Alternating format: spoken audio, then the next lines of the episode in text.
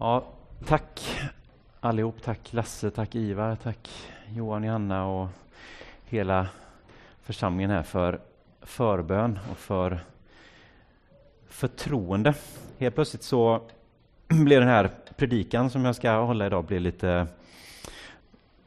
får nästan en personlig, alltså det är ju alltid personligt såklart, för det är ju någonstans så, så är det ju, jag, alltså det här budskapet och texterna, det passerar ju genom mig. Jag får ju förmedla ett budskap som så som jag har eh, upplevt och när jag har läst bibeltexten och tolkat och suttit och skrivit och så vidare så, så är det ju någonting som förmedlas genom mig och jag insåg det nu först i efterhand och egentligen här idag så kände jag oj det, det här blev väldigt personligt nu den här predikan på något sätt. Den blev nästan riktad till mig själv på, på något sätt. Um, och det kanske var en slags Ofta så ser man kanske sambanden först i efterhand. Man ser i backspegeln ser man hur ja, de här sakerna passar ihop och de, de här sakerna helt plötsligt så, så börjar man dra. Vi tolkar ju och skapar mening. Vi har pratat om det tidigare att vi, vi är ju vi är berättande människor. Vi, vi liksom skapar mening i våra berättelser och det är ju det vi har fått också. Vi har ju fått texter som berättar en historia, som berättar vår historia, som berättar vår framtid, som berättar som skapar mening och som förklarar syf hela syftet med tillvaron. Det är ju det de här bibeltexterna gör. Och Det är därför vi alltid kan återvända till dem och hitta nya infallsvinklar, vi hittar ny mening, vi hittar oss själva på nya platser i de här texterna. Vi, eh, någon sa att läsa Bibeln är som att se sig själv i spegeln, där vi, kan liksom, vi, ser in, vi läser in oss själva i texten. Det är inte bara för information, utan det är för formation. Vi blir formade i de här berättelserna. Vi hittar vår egen plats. Vi identifierar oss med olika karaktärer. Ofta är det karaktärer som själva har en historia, har en, en bakgrund som vi ibland får mycket information om, ibland får vi lite information om. Ibland kastas vi in i ett sammanhang eller möter en person plötsligt och så, så liksom får vi stifta bekants, beka, bekantskap med dem på, på nytt. Eh, och eh, Den här texten idag är ju en, en text som det finns väldigt mycket vi kan hämta i den och mycket vi kan, vi kan eh, prata om. Jag ska inte, vi ska inte göra det, vi ska, utan vi ska prata om några små saker. Men det är texten om när, eh, när eh, Mose möter Gud i den brinnande busken. Ehm, eller vid den brinnande busken och han hör Gud tala och han får den här kallelsen att gå till farao. Vi ska läsa texten lite senare men vi kommer prata lite grann om, om Guds namn. Vem är Gud och vad, hur talar Gud om sig själv i den här texten? Men det är också en berättelse om en man som får en kallelse som han är i alla fall upplever sig själv utifrån sina egna kriterier och hur han själv ser på sig själv så är han inte rätt person för jobbet. Och nu ska jag inte säga att jag det men det finns, det finns, aspekter av detta. Det finns absolut delar av detta där jag kan känna mig, och ni kan säkert känna så själva. Nu blir det så konkret här idag i den här avskiljningen och de här, de här frågorna som, som, som Lasse ställde och som jag fick svara på, att det blev liksom, ja, vem är jag egentligen? Ni ser ju mig på ett sätt, jag ser ju mig själv på ett sätt. Jag ser ju alla de här svagheterna och bristerna som Visserligen, det är klart att jag har många blinda fläckar, jag har massa svagheter och brister som jag inte vet om, men jag har oändligt många fler som jag vet om, som kanske ni inte vet om. Och jag lever med dem hela tiden, och så är det för oss allihop. Vi bär ju alla till viss del masker, även om vi gör allt vi kan. Och jag menar, många av oss längtar ju efter att leva äkta liv. Vi vill ju vara de som vi är. Vi vill inte gömma oss bakom någonting som vi inte är, utan vi vill vara, det här är jag. Och att vara ärlig och att vara sann mot sig själv och att vara sann inför andra och vara sann inför Gud, det är ju där sann, sant helande och sann befrielse finns. Det är ju när vi släpper de här maskerna, när vi känner att ja, här är jag mig själv, nu är jag, det här är den jag är. Och i den här texten med Mose så blir det så påtagligt för att Mose han kommer med undanflykt efter undanflykt. Han försöker hitta ursäkter att komma ur det här. Men det är ju inte jag, det kan ju inte vara jag. Vi ska återkomma till det, men um, den här texten kommer också att handla om namn. Och jag tänkte jag skulle slänga ut en liten fråga eller fundering här och en reflektion. Om det är någon som här, är det någon av er som har eller har haft ett smeknamn som ni har fått därför att ni själva inte kunde uttala ert namn eller ni haft ett småsyskon eller en familjemedlem som inte kunde uttala era namn och som sen hängde kvar. och blev ett smeknamn. Vi har haft så i vår familj, jag tror nästan alla våra barn har fått bära med sig ett smeknamn. Sen kommer man upp till en ålder när man nu vill inte jag kallas det här längre, för nu är det inte liksom, det är charmigt när man är 5, 6, 7, 8, men sen när man är uppe i tonåren börjar komma där så är det inte så roligt att kallad Nonno som Konrad blev kallad av. Det var väl, jag vet inte om det var någon av kusinerna som inte kunde säga Konrad utan det blev Nonno, så fick han heta det. Nu är det inte så många som säger det längre, men ni kanske känner igen det, ni kanske haft något själva eller ni har barn eller barnbarn eller någonting som, som kallar er för någonting eller som kallat sig själva för någonting. Um, och det här med namn och smeknamn, det är ju saker som Å ena sidan så har vi våra namn och de bär vi med oss från det att vi i stort sett föds. De flesta har ju får ett namn redan när de föds kanske och så hela vägen upp i, genom livet så bär vi de här namnen. Men vi går igenom faser där vi ibland kanske prövar det här namnet. Vad betyder det här namnet? Vad står det här för? Vem är jag den här personen som det här namnet representerar? Jag hade själv ingen sån fas, men jag har haft kompisar som gått igenom faser där de liksom testar på det här med att och det kanske inträffar vid olika tillfällen i livet, men där man liksom tänker att men nu ska jag nog inte kalla mamma och pappa för mamma och pappa längre, utan nu tilltalar jag dem med deras förnamn. För att man kanske är man i ett skede där man känner att men nu ska jag testa lite hurdan, vem är jag i denna relationen? Nu kanske man kommer upp i en ålder där man känner men nu vill jag vara mer en jämlike med den här, med min mamma eller med min pappa och nu därför tilltalar jag dem med deras, deras förnamn. Eh, man kanske hamnar i sociala sammanhang där det inte liksom, ja men det går inte att kalla, här kan jag inte kalla mamma för mamma. Någon kanske har, man kanske hamnar i en situation där man har sin mamma eller pappa som lärare i sin klass. Säger man då fröken eller mamma? Alltså i sociala sammanhang påverkar vad vi kallar varandra. Um, och det är som jag sa, det är förhållandevis statiskt. Vi behåller de här namnen och de förändras inte så mycket över tid. Men ibland kan de ändras. Ofta är det i samband med ganska stora livs... Eh, man går igenom någon slags identitetsförändring kanske. Eh, de flesta par som gifter sig så får åtminstone ena parten byta namn. Jag fick byta namn, eller jag erbjöd mig att byta namn. Det var ingen hård kamp om det, utan vi tyckte att vi kan... Men Linde är väl trevligt, det är inte så många som heter. Så det, det tar vi. Ehm, Ibland byter båda. Det var ju, har ju varit väldigt trendigt ett tag att man byter namn och tar något, man tar något släktnamn. Eller ett tag hittade man på namn och konstruerade själv för att man, man ville liksom visa att ja, men nu är vi någonting annat. Liksom. Nu är vi en egen enhet. Vi tillhör ju de här släkterna förstås, men nu är det vi. Och vi är liksom vi två, det här paret. Um, en del kanske byter namn när man flyttar till en, ett nytt land, en ny kultur. Men mitt namn går inte att uttala på det nya, mitt nya språk som jag ska tala här, så man anpassar sitt namn eller byter det på något sätt. Ehm, man kanske får en titel som blir som en ny identitet. Min morbror är läkare och jag kan tänka mig att han många gånger har blivit kallad Dr. Olsson. Att det liksom blir som ett... Men nu är det inte lika vanligt att man går ja, ingenjören, eh, doktorn på det sättet, men, men förr var det en väldigt viktig del av ens identitet. Jag är min jobbtitel, det är den jag är. Och så bär man med sig det. Ehm, eller ta alla så här, musiker, artistnamn. Man bär ett namn för att jag kan inte heta den här grejen utan jag måste heta någonting som funkar, liksom, någonting som blir liksom unikt. Sådär. Och det finns ju långtgående traditioner, ta bara den påvliga traditionen. När en ny påve blir utsedd så byter de namn. Påve Franciscus han föddes i Argentina som Jorge Mario Bergoglio. Vet ni det? Lagt det på minnet. Men han tog namnet påve Franciscus när han blev påve för att visa att nu är, går jag in i ett nytt ämbete här och jag tar ett nytt namn. Jag har inte tänkt ta ett nytt namn nu efter det här avskiljandet, men, men, det, men det finns det är ju inte helt ovanligt att man, att man gör det, men i, vanliga, i normala fall så bär vi ofta med oss dem. Vi har ju bibliska förebilder också, saker och ting händer, ett stort skifte sker i livet. Um, i Gamla Testamentet så möter vi Jakob som hade en dust med, med, med Gud. Han brottades med Gud och fick ett nytt namn. Han fick heta Israel. Och i Nya Testamentet så har vi Jesu kanske två främsta apostlar som båda fick nya namn. Simon och Saul. Som fick byta namn. Simon han blev Kefas, Petrus och Saul blev Paulus eh, när han blev apostel till hedningarna. Men gemensamt för allt detta är att namn ofta knyts an till en relation. Och du och jag, vi bär ofta namn i, olika namn i olika relationer. Jag är son, jag är bror, jag är brorsan, jag är pappa. Jag är kompis. Jag har en kompis som alltid, tjena kompis, säger han alltid till mig. Jag är kompis. Sen tilltalar vi varandra med riktiga namn också förstås. Men, och nu får jag vänja mig också vid att bära den här titeln, pastor.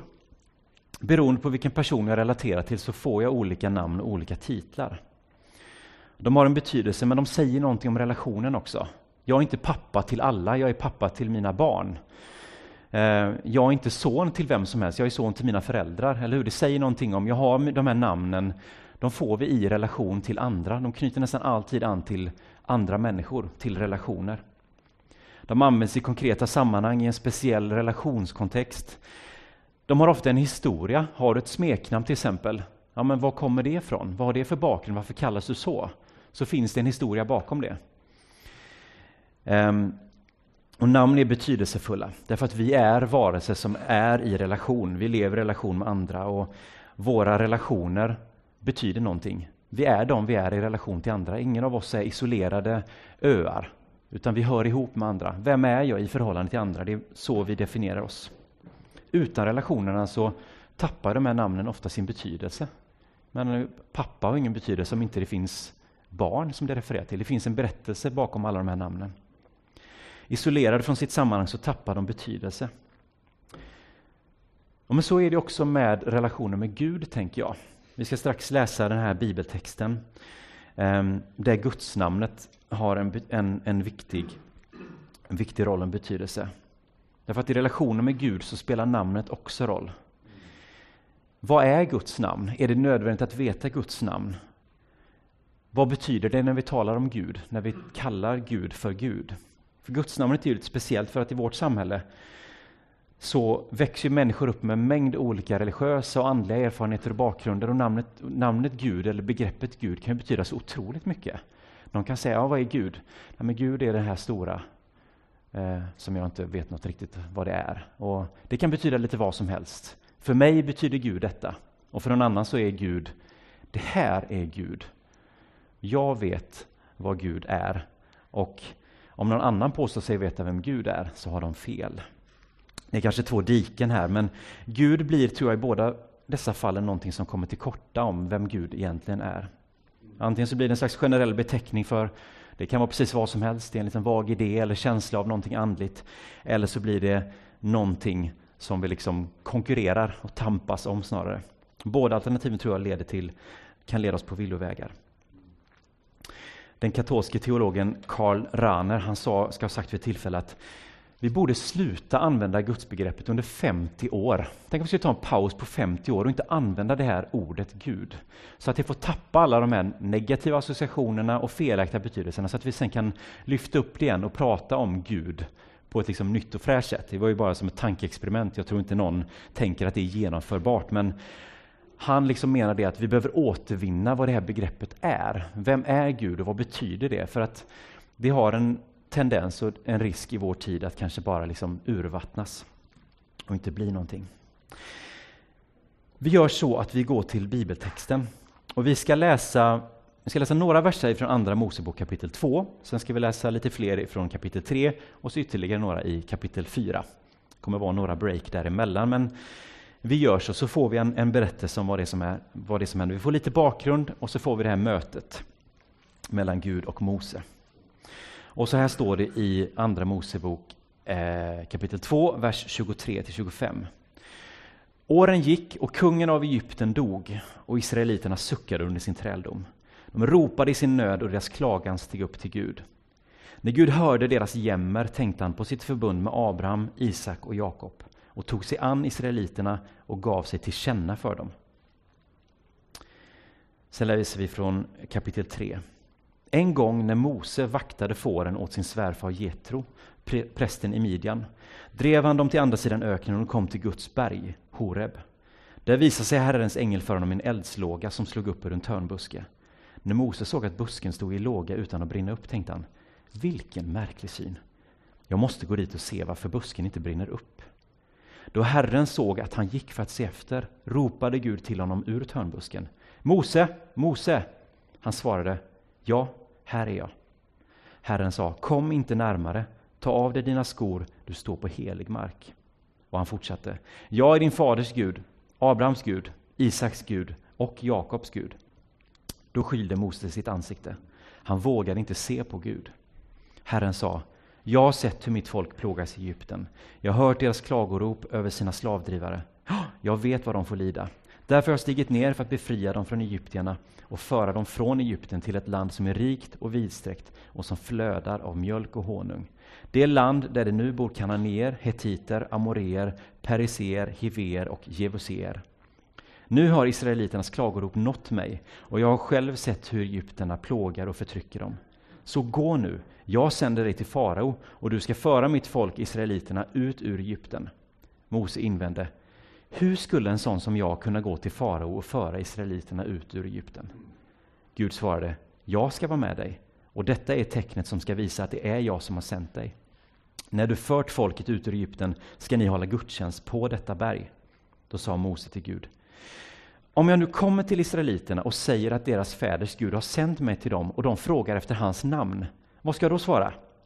Gud sa, jag är den jag är. Säg dem att han som heter Jag är har sänt dig till dem. Och Gud fortsatte. Säg israeliterna att Herren, deras fäders Gud, Abrahams Gud, Isaks Gud och Jakobs Gud har sänt dig till dem. Detta ska vara mitt namn för all framtid. Med det namnet skall jag åkallas från släkte till släkte. Och vi fortsätter en bit in i kapitel 4 från vers 10. Moses sa Förlåt din tjänare, Herre, men jag har inte ordet i min makt. Det har jag aldrig haft, inte heller sedan du talade till mig. Orden kommer trögt och tveksamt. Herren svarade, vem har gett människan hennes mun? Vem är det som gör henne stum eller döv, seende eller blind? Är det inte jag, Herren? Gå nu, jag ska själv vara med dig när du talar och lära dig vad du ska säga. Men Mose vädjade. Herre, jag ber dig, sänd bud med någon annan, vem du vill. Då blev Herren vred på honom och sa, du har ju din bror Aron, leviten. Han kan tala, det vet jag. Han är redan på väg för att möta dig och han blir glad att få se dig. Tala med honom och lägg orden i hans mun. Jag ska själv vara med både dig och honom när ni talar och visa er vad ni ska göra. Han ska tala till folket för din räkning, så blir han din mun och du blir hans Gud. Och staven ska du ha i handen. Det är med den du ska utföra tecknen. Amen. Det är en sån fantastisk text många, av, eh, många avseenden. Jag tycker det är så, så fantastiskt att vi, när vi tänker på Mose, så tänker vi ju kanske Ja, med Abraham och David kanske så är det kanske liksom topp tre av Gamla Testamentets förgrundsfigurer. Får man nästan säga, eller hur? Jag menar, vi, vi har ju till och med hans, hans namn liksom sitter på de här fem första böckerna, i alla fall i våra svenska biblar. Första, andra, tredje, fjärde, femte Mosebok. Och så tänker vi honom som den där hjälten och vi har staven, ni vet han delar Röda havet och så har vi plågorna, vi har alla de här fantastiska berättelserna, men hur det inleds tycker jag är så eh, fantastiskt och att vi, man får med den bakgrunden. För när vi möter Mose i det här, så, och när Mose möter Gud då, så är det ett möte mellan en som är välbekant med den andra. Gud känner Mose, Gud vet vem Mose är. Det är inte så att Gud plötsligt, är, det har brunnit en buske, det vet vi inte hur länge den har brunnit, men den har brunnit där och bara väntat på att någon ska komma förbi. Det kan ju vara så, men det finns ju en tanke med. Jag tror att Gud har utvalt Mose, han vet att Mose kommer här. Och detta är den jag har utvalt. Men Mose vet ju inte vem det är. Vem är du? Vem ska jag säga har sänt mig? Vem är du som uppenbarade för mig nu? Och Det är därför vi läser de här eh, verserna innan, att vi vet att Gud har inte glömt sitt folk.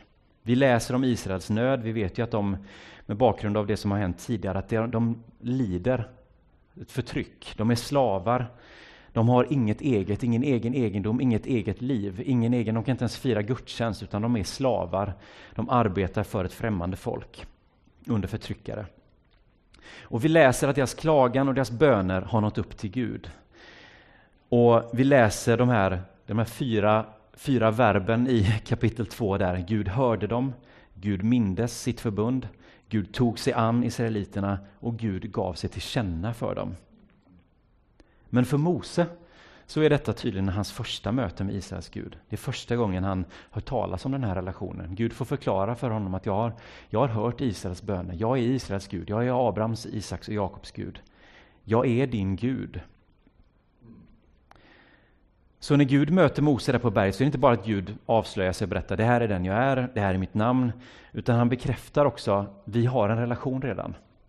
Det är lite som om någon, man kan möta någon gammal släkting, säg att du möter en släkting eller en god vän som du inte har som du inte har sett. Du kanske, kanske var nära familjen när du var liten och du har inget minne av den. Och den personen säger till dig, du minns kanske inte mig, men när du var liten så ja, lekte jag med dig, eller jag satt barnvakt för dig, eller vad det nu kan vara. Det är lite den relationen. Gud säger, du vet inte vem jag är, men jag vet vem du är. Du minns inte vem jag är, men jag minns dig. Jag tog mig an dig. Jag hörde dina böner.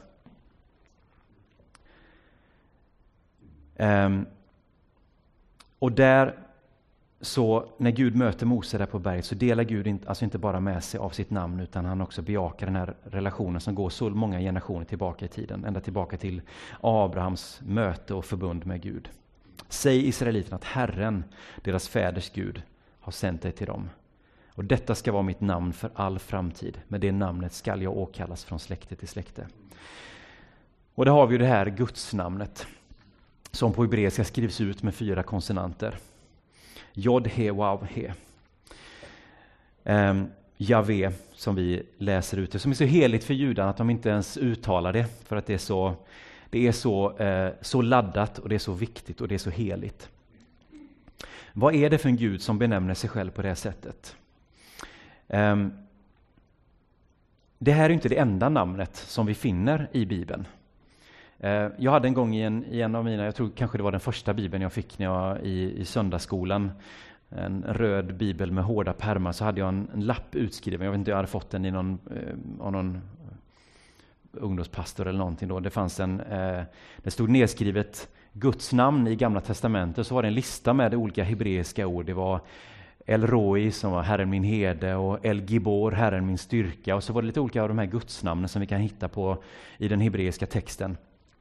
Det fanns sju, sex, sju sådana till tror jag. Um, och det, men det är ju alla namn som människorna, alltså Guds folk, tillskriver Gud. När Gud, Gud får, dem, får det namnet av sitt folk för att beskriva, ofta som följd av någonting som Gud har gjort, ett stort mirakel har inträffat eller ett ingripande och, och då liksom ger folket Gud ett beskrivande namn.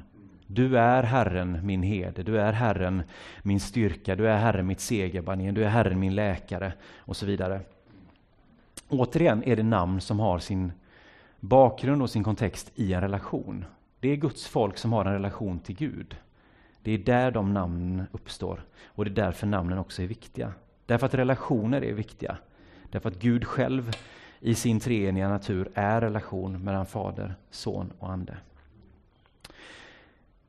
Innan vi pratar vidare lite om namnet så ska vi kanske bara gå tillbaka till lite om det här det som händer i den här texten, hur Mose gör allting till synes för att slippa undan den här uppgiften som han får från Gud.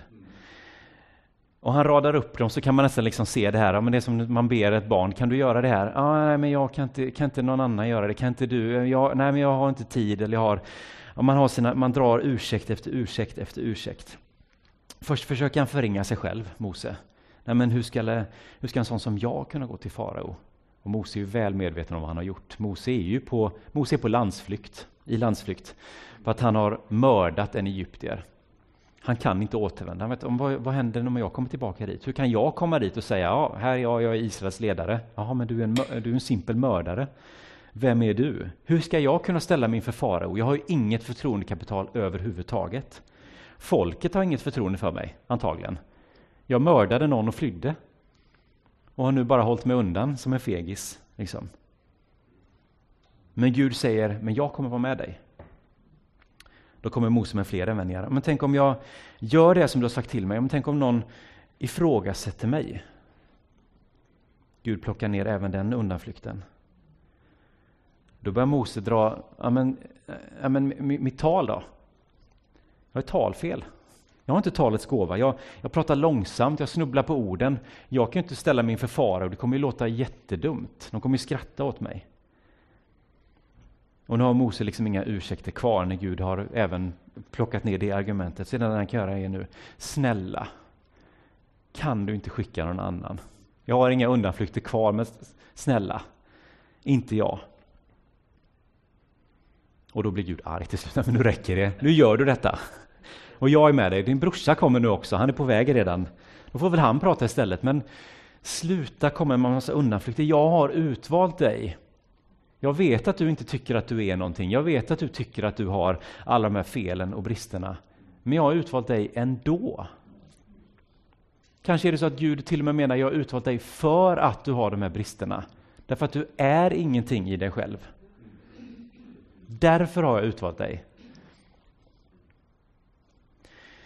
Som Paulus säger, den här skatten vi har i lerkärl, för att kraften kommer inte från oss, den kommer ifrån Gud. Vi är inte så mycket utåt. Det är inte många av oss som har så mycket att skryta över egentligen. När vi ser oss själva i spegeln så ser vi det kanske tydligare än någon annan. Vi vet att nej, jag är inte mycket för världen egentligen.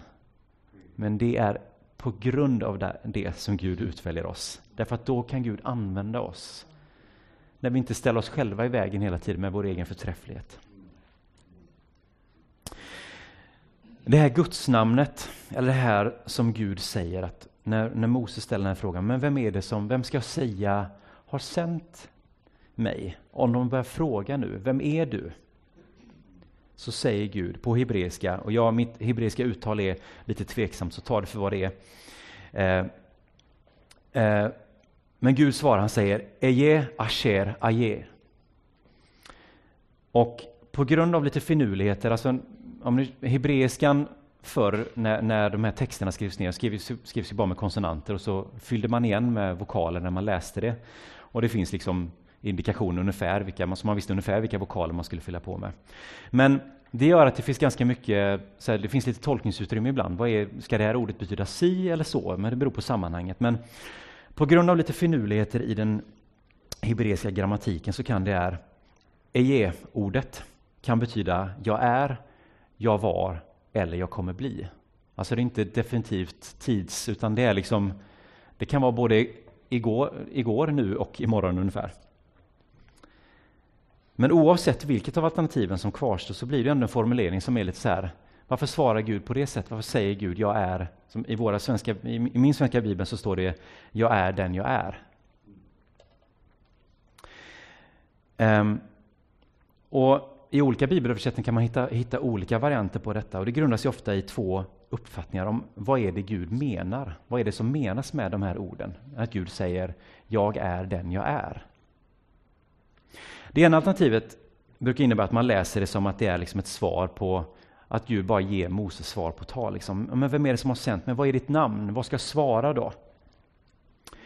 Det namn som Mose får som svar är ju egentligen inte något namn. Utan om man läser på det sättet så kan man se det som ett slags avfärdande att jag är den jag är. Du behöver inte, du behöver inte komma med något namn. Jag är den jag är. Det räcker att du vet vem som har sänt dig. Vem som har sänt dig. Jag är den jag är.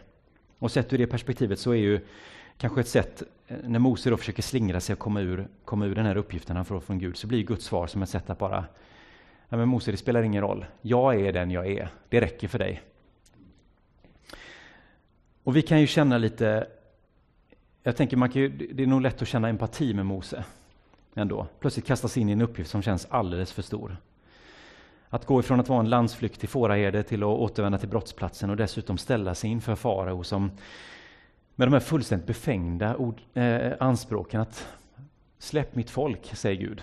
De ska uttala gudstjänst. Alla de här, vad är de, hundratusentals människorna som just nu är gratis arbetskraft för Egypten, ska vi bara släppa dem? Där står han som någon slags järnålderns William Wilberforce och säger avskaffa slaveriet. Men Gud verkar inte särskilt intresserad av att, liksom, att tillmötesgå, tillmötesgå Moses undanflykter där, utan jag är den jag är. Säg dem att han som heter Jag är har sänt dig till dem. Och det är kanske inte ett svar som känns jättetillfredsställande, inte som att Moses säger ja okej, okay, vad bra, då kör vi på det, då går jag, utan han försöker ändå ta sig ur detta. Kanske är det att han tänker, ja men gudar har ju ordentliga namn. Eh, Mesopotamierna, babylonierna har ju sina, de har ju Ishtar och, och Tiamat och egyptierna har ju Ra och så småningom kommer ju grekerna ha Zeus. Vad har du inget bra namn? Heter du inget ordentligt? Du kan ju inte säga jag är. Vad är det för namn på en gud? Men Gud svarar inte med något enkelt tilltalsnamn. Gud har inte ett namn. Gud är inte en, någonting som vi kan liksom, eh, ja, men sätta ett epitet på på det sättet och säga sådan är Gud. För det namnet har Gud. Utan Gud är den Gud som är. varken mer eller mindre.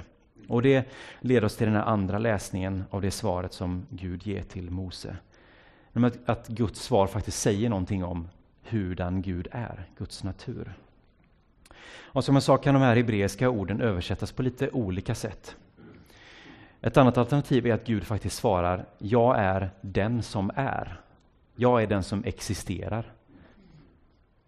Eller till och med, jag är som är.